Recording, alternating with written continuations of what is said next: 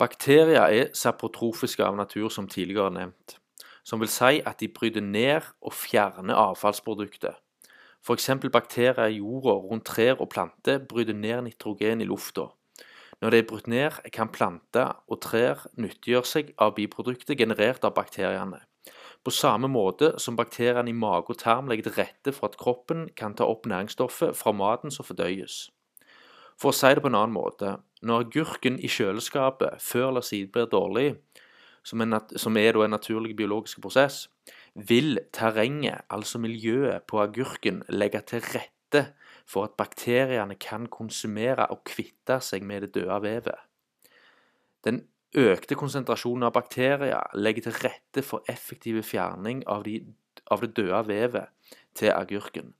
Samt synet, lukta og smaken av dette forteller andre biologiske vesen, som dyr og mennesker, at det ikke er spiselig.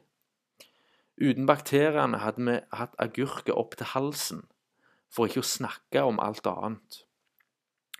Og hvis, hvis noen med en feiltagelse inntar den forderva agurken og blir dårlige, er det ikke bakterien som er årsak, det er vevet og eventuelt det som bakterien har i seg av det døde vevet, som er årsak.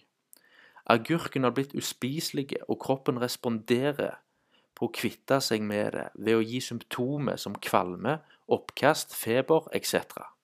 Med andre ord en naturlig detoksifisering fra kroppens side, som all form for symptomer på sykdom egentlig er. Helt tilbake til 1500-tallet ved den italienske fysikeren Girolamo Francastoro var det antatt at det måtte være det måtte være noe som var mindre enn det blotte øyet kunne se, som forårsakte sykdom. Og ved oppfyllelsen av mikroskopet ble det påvist at disse bakteriene eksisterer, og har siden fått skylden for sykdom. En analogi til dette vil være dersom romvesen observerte jorda og til stadighet så brannbiler og brannmenn til stede der det brant. Da ville de uten noen forutsetning for å forstå hva de virkelig observerte, konkludere i god tro at brannbiler og brannmenn er årsak til brann. Det er nettopp det som har forekommet, og har sine røtter fra eller i spireteorien. Som navnet sier, er en teori, og den teorien er for lengst utdatert og fullstendig feilaktig.